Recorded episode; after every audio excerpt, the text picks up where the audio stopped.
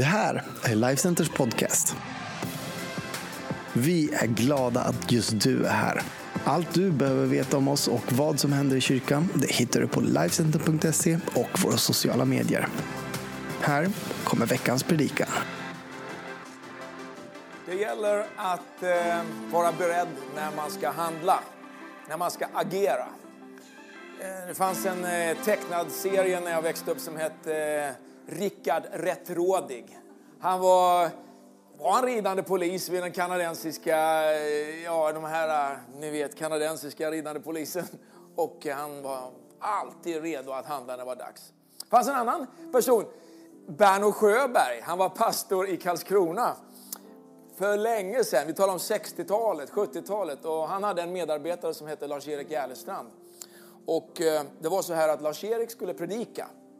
Och Berno han skulle liksom vara den som var MC och ledde mötet. Och, men Berno han kunde ibland vara sen på gudstjänst. Och han kom till gudstjänsten sent, den hade börjat och alla sjöng. Och, och, eh, och Lars-Erik som då skulle predika egentligen, han hade startat mötet. Och, och han fortsatte att leda gudstjänsten. Han bad för liksom bönämnen och tog upp kollekten. Och så plötsligt så sa han, nu ska vi få lyssna till predikan av Berno Sjöberg, sa han.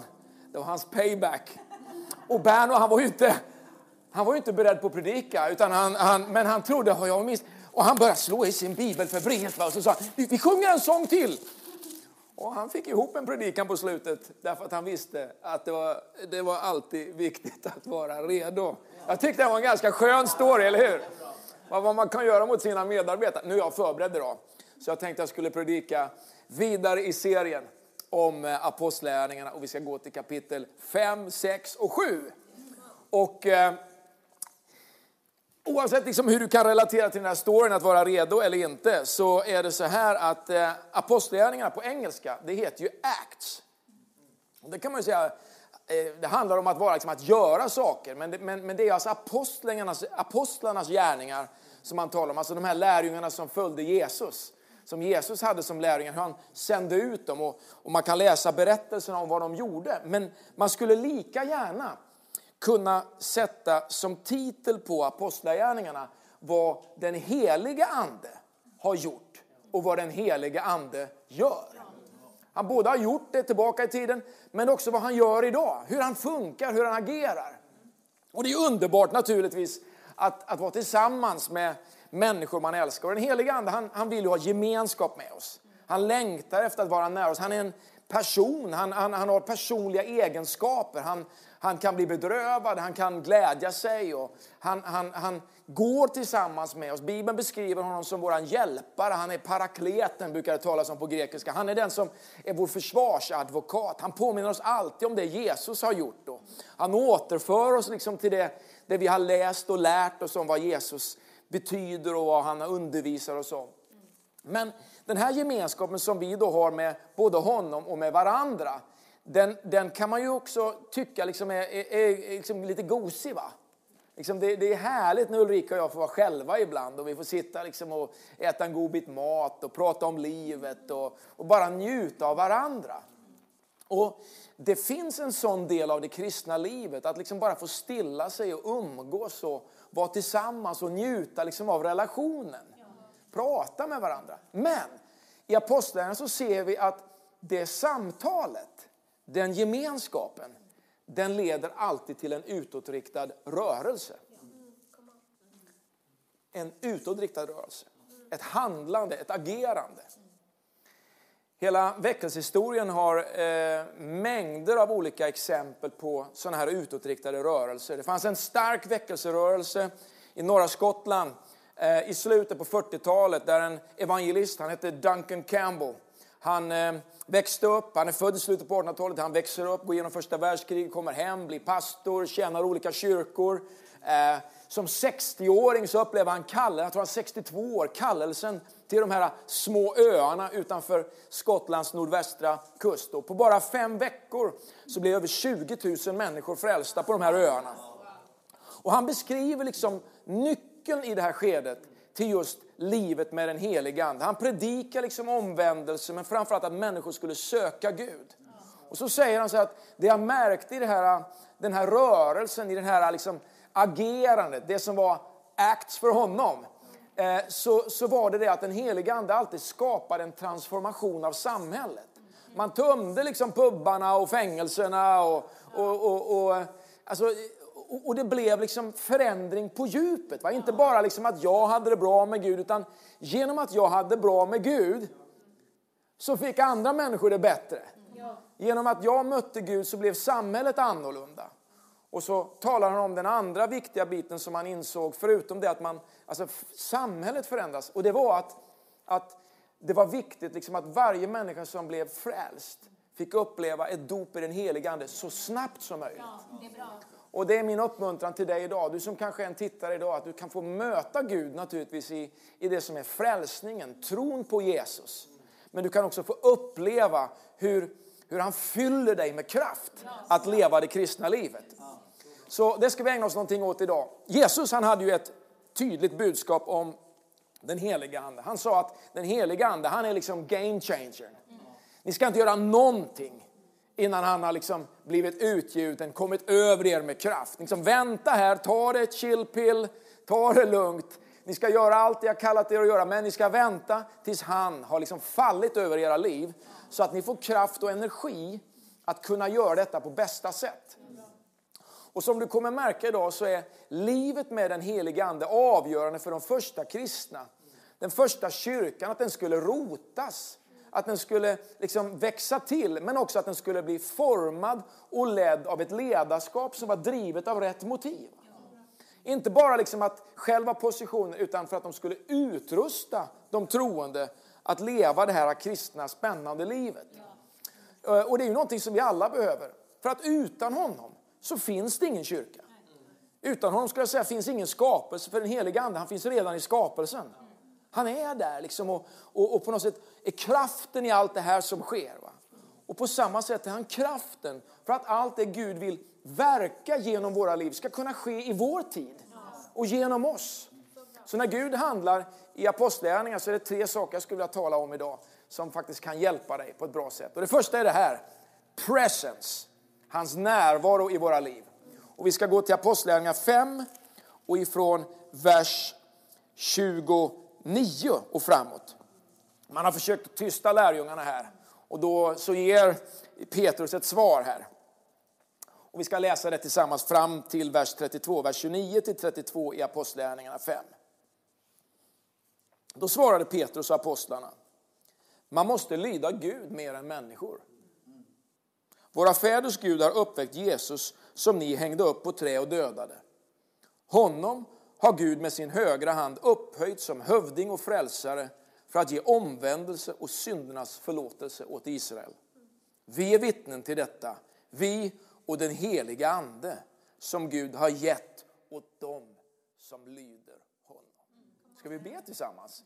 Jesus, lys på detta ordet idag genom din heliga Ande. Låt det få bli verkligen verklighet för våra liv. Fånga liksom sanningen om vem du är och och hur mycket du älskar oss och vad du vill göra i och genom våra liv. Det är vår bön idag. I Jesu namn vi ber. Amen. Amen. Kapitel 5 som vi är inne i här har eh, liksom inletts med en ganska spännande händelse, en lite extraordinär händelse skulle jag säga.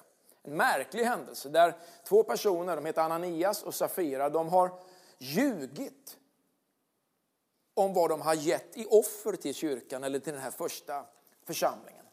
Väldigt konfliktfylld situation på ett sätt.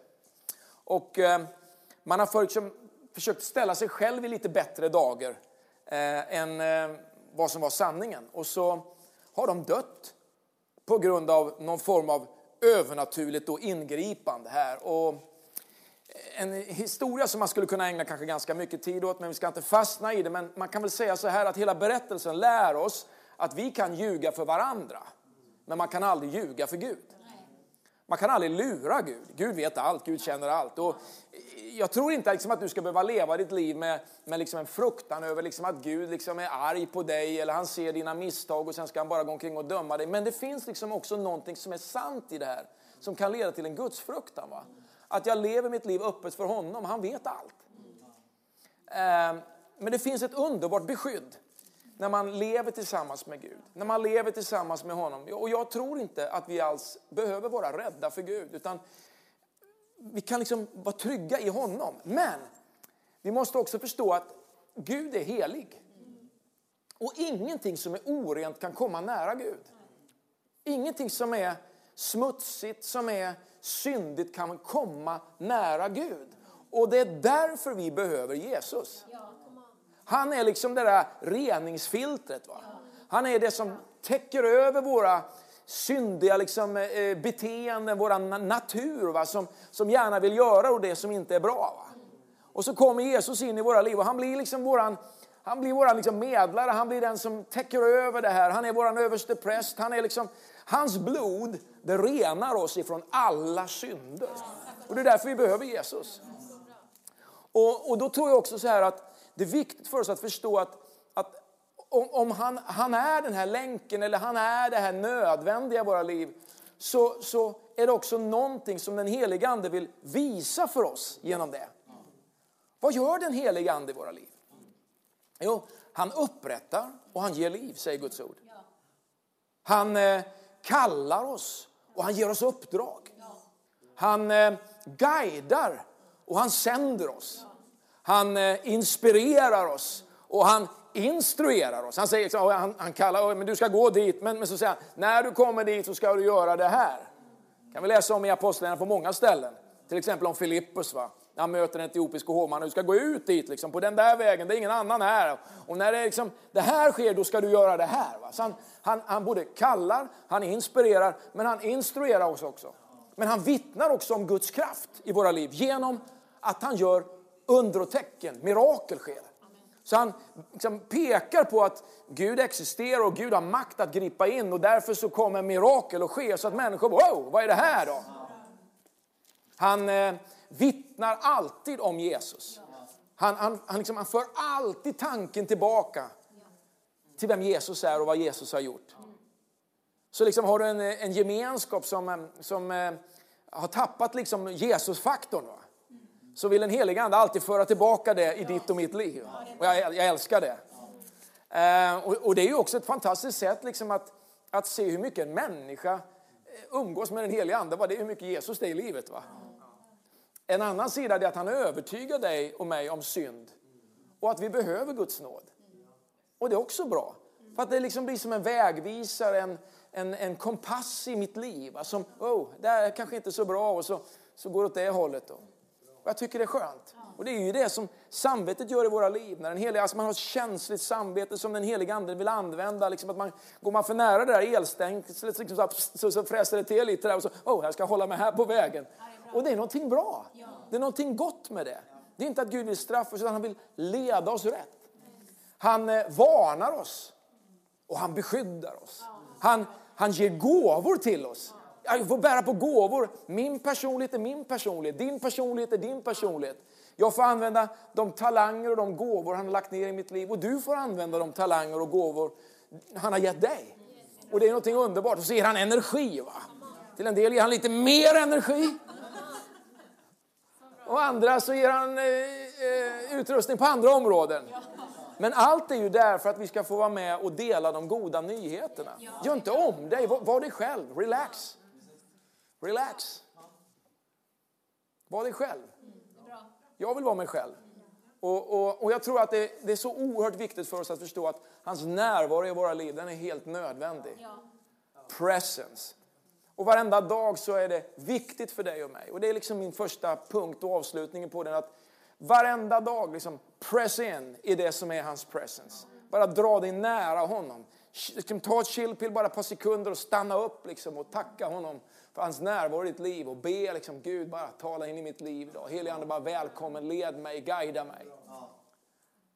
Kanske sitter du på på liksom tåget eller bussen eller cykeln eller du badar i sommar, är på beachen. Liksom, det, det, han, är, han är överallt. Och han vill kommunicera med dig. Hans närvaro vill vara där varenda dag. Det andra jag tänker på det är just kraften i honom. Hans, hans, hans power, inte bara presence, om man nu tar engelska ord, va? presence, närvaro, hans, hans power. Det, det, är inte bara att han har kraft, han har, han har också kraft att ge kraft. Han har en längtan att ge kraft. Power, empower.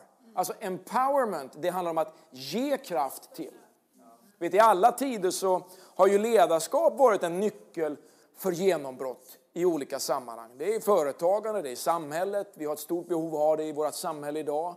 Vi har behov av det i kyrkan och vi har behov av det i våra familjer. Jag tror på ledarskap och jag, jag, tycker det är viktigt. Inte för att man ska vara högmodig och diktatorisk utan för att man har ett uppdrag att utrusta och inspirera både liksom institutioner, samhällen, kyrkor, skolor, elever, familjer. Va?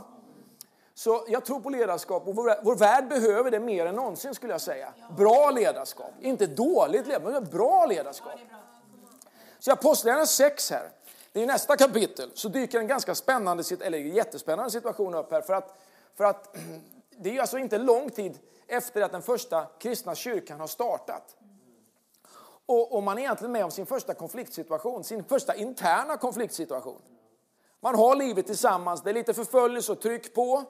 Och, och, och, alla har inte liksom förmågan att klara sig själva. Och då ska man förstå att i det här samhället som, som byggde också på en judisk historia så var ju liksom synagogan och den, den, den, den andliga gemenskapen, det var också eh, man kan säga det sociala skyddsnätet va, i samhället.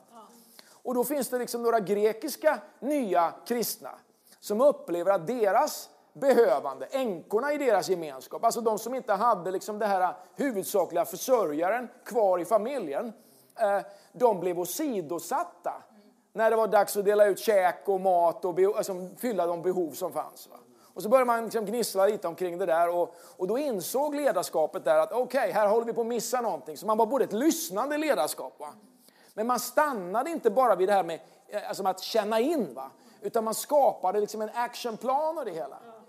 Och, och, och då upplever de så tydligt i det här sammanhanget eh, någonting som vi kan läsa om i Apostlagärningarna 6 och vers 2-4 och där står det så här. Då kallade de tolv till sig alla lärjungarna och sa, det är inte bra att vi försummar Guds ord för att göra tjänst vid borden. Nej, bröder, utse åt er sju män som har gott anseende, som är uppfyllda av ande och vishet, så ska vi ge dem uppgiften. Själva ska vi ägna oss åt bönen och åt ordets tjänst. Alla de församlade tyckte att förslaget var gott och så valde de Stefanus, en man uppfylld av tro och helig ande, vidare Filippus, Prokurus, Nikolo, eh, Nikanor, Timon, det är inte alltså någon från Timon och Pumba utan det är någon annan här, Parmenas och Nikolaus, en proselyt från Antiochia. Dessa förde de fram inför apostlarna som bad och lade händerna på dem. Och Guds ord hade framgång och antalet lärjungar i Jerusalem ökade, vadå? Kraftigt står det. Så det innebär alltså att ett ledarskap här, de, de, de, de, de tror inte bara att de är de enda som kan göra någonting. Utan de förstår att, att Gud har en längtan att använda oss alla. Så vi behöver Guds närvaro i våra liv. Men närvaron i våra liv, den ska leda till någonting. Va? Den leder till empowerment, att ge kraft, att ge uppdrag, att frigöra människor in i tjänst och i olika funktioner. Och så står det alltså i texten här att när man gör det, då ökade församlingen kraftigt. Så att ledare ska, de ska göra det ledare gör bäst, de ska leda. Och, och det gör man genom att man ger vidare ledarskap, man ger vidare ansvar och det är något som är superbra. Så det är viktigt att vara lyssnande och det är viktigt att vara lyhörd.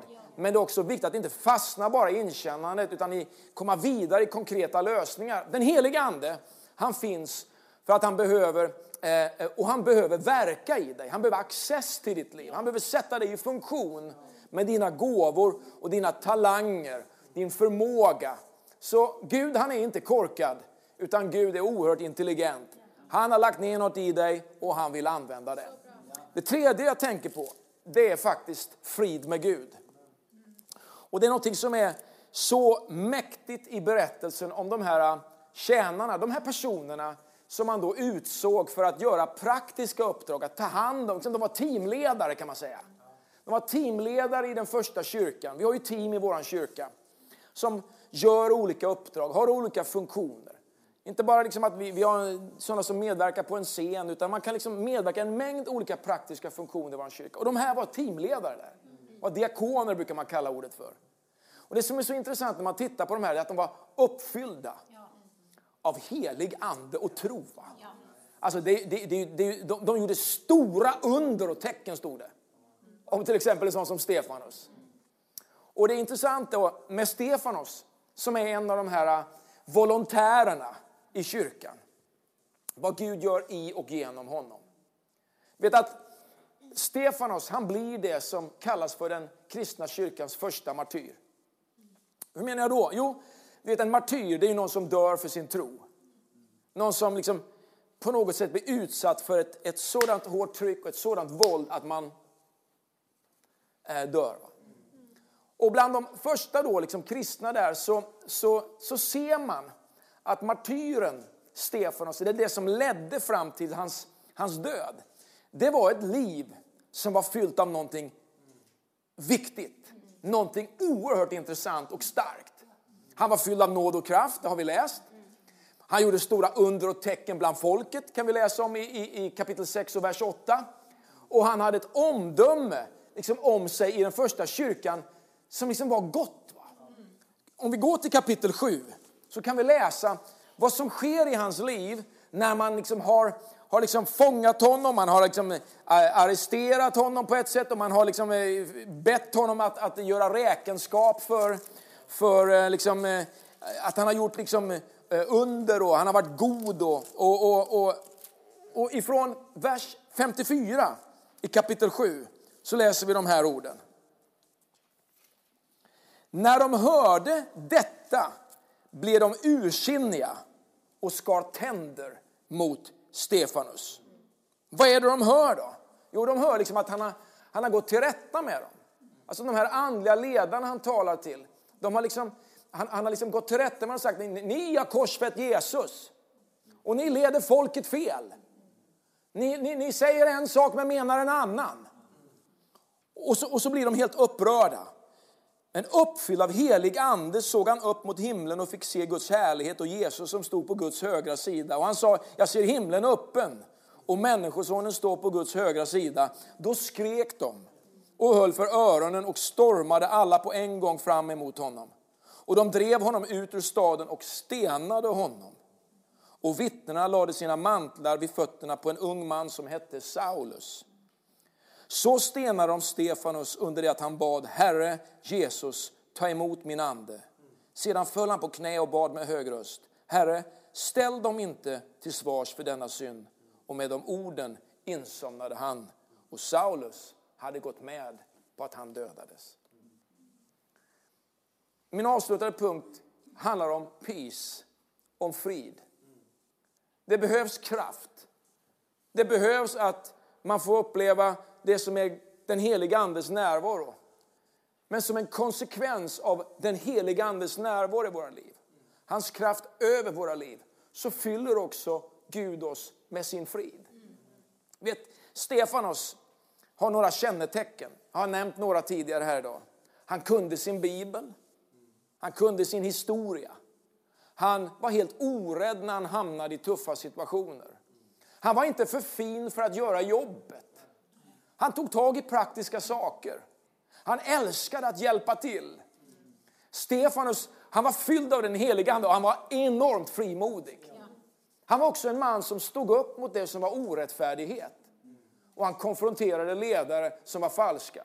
Han längtade efter att man liksom frivilligt skulle få ta andliga beslut med sitt liv. Inte bli intvingad i andliga beslut, utan frivilligt få ta andliga beslut.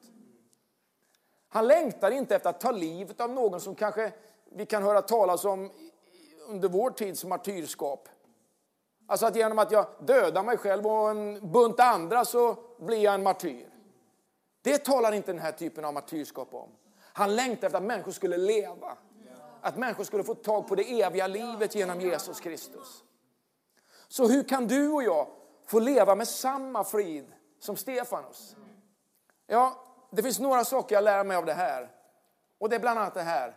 Stefanos, han var villig att offra något för att andra människor skulle få frihet. Han var villig att offra någonting av sig själv för att andra skulle få uppleva frihet. Han ville inte heller utkräva hämnd. Utan han valde alltid att gå en högre väg. Och det ser vi vid hans dödstillfälle. Fader förlåt dem, säger han. Låt dem inte stå till svars för den här gärningen. Herre, förlåt dem. Han, han stod också upp när andra vek ner sig. Och så höll han ut till det sista andetaget. Min vän, en uppmuntran till dig idag. Håll ut. Be Gud om mod att stå upp när andra viker ner sig. Kräv inte hämnd, utan offra någonting för att andra människor ska få uppleva vem Jesus Kristus är. Och det är ju precis det här som Jesus gör för dig och mig. När han dör för dig och mig. Och uppstår för dig och mig. Och lever för dig och mig för att skänka oss allt med sig. Det här är min predikan till dig idag. Presence. Låt den helige Ande vara nära i ditt liv. Empowerment. Låt honom få se hur du tar ditt uppdrag på allvar och frigörs in i den tjänst som han har kallat dig att göra. Och frid, hans peace, den ska vara med dig alltid. Vandra med honom och låt oss avsluta den här gudstjänsten på det sättet. Min vän, kanske har du lyssnat till mig idag så tänker du så här, finns det en chans för mig att få uppleva en sådan frid? Det gör det. Du kan inbjuda honom in i ditt liv precis här just nu. Du kan där du sitter bara knäppa dina händer, kanske sluta dina ögon och säga Jesus, jag tror på dig. Jag kanske inte har mätt så många böner tidigare Gud, men jag vill att du ska lyssna på mig nu. Du vet den här tron på Jesus, den här tron på vem han är, det kan fylla hela din tillvaro. Lägg ner ditt liv för honom. Och be med, be med mig i den här enkla bönen som jag vill be just nu. Bara säg de här orden efter mig och mena dem i ditt hjärta och han kommer att fylla hela din tillvaro. Jesus, jag tror på dig. Jag välkomnar dig in i mitt liv. Förlåt mig mina synder. Rena mig. Jag väljer dig Jesus. Du har redan valt mig. Tack Jesus för frälsning. I Jesu namn. Amen.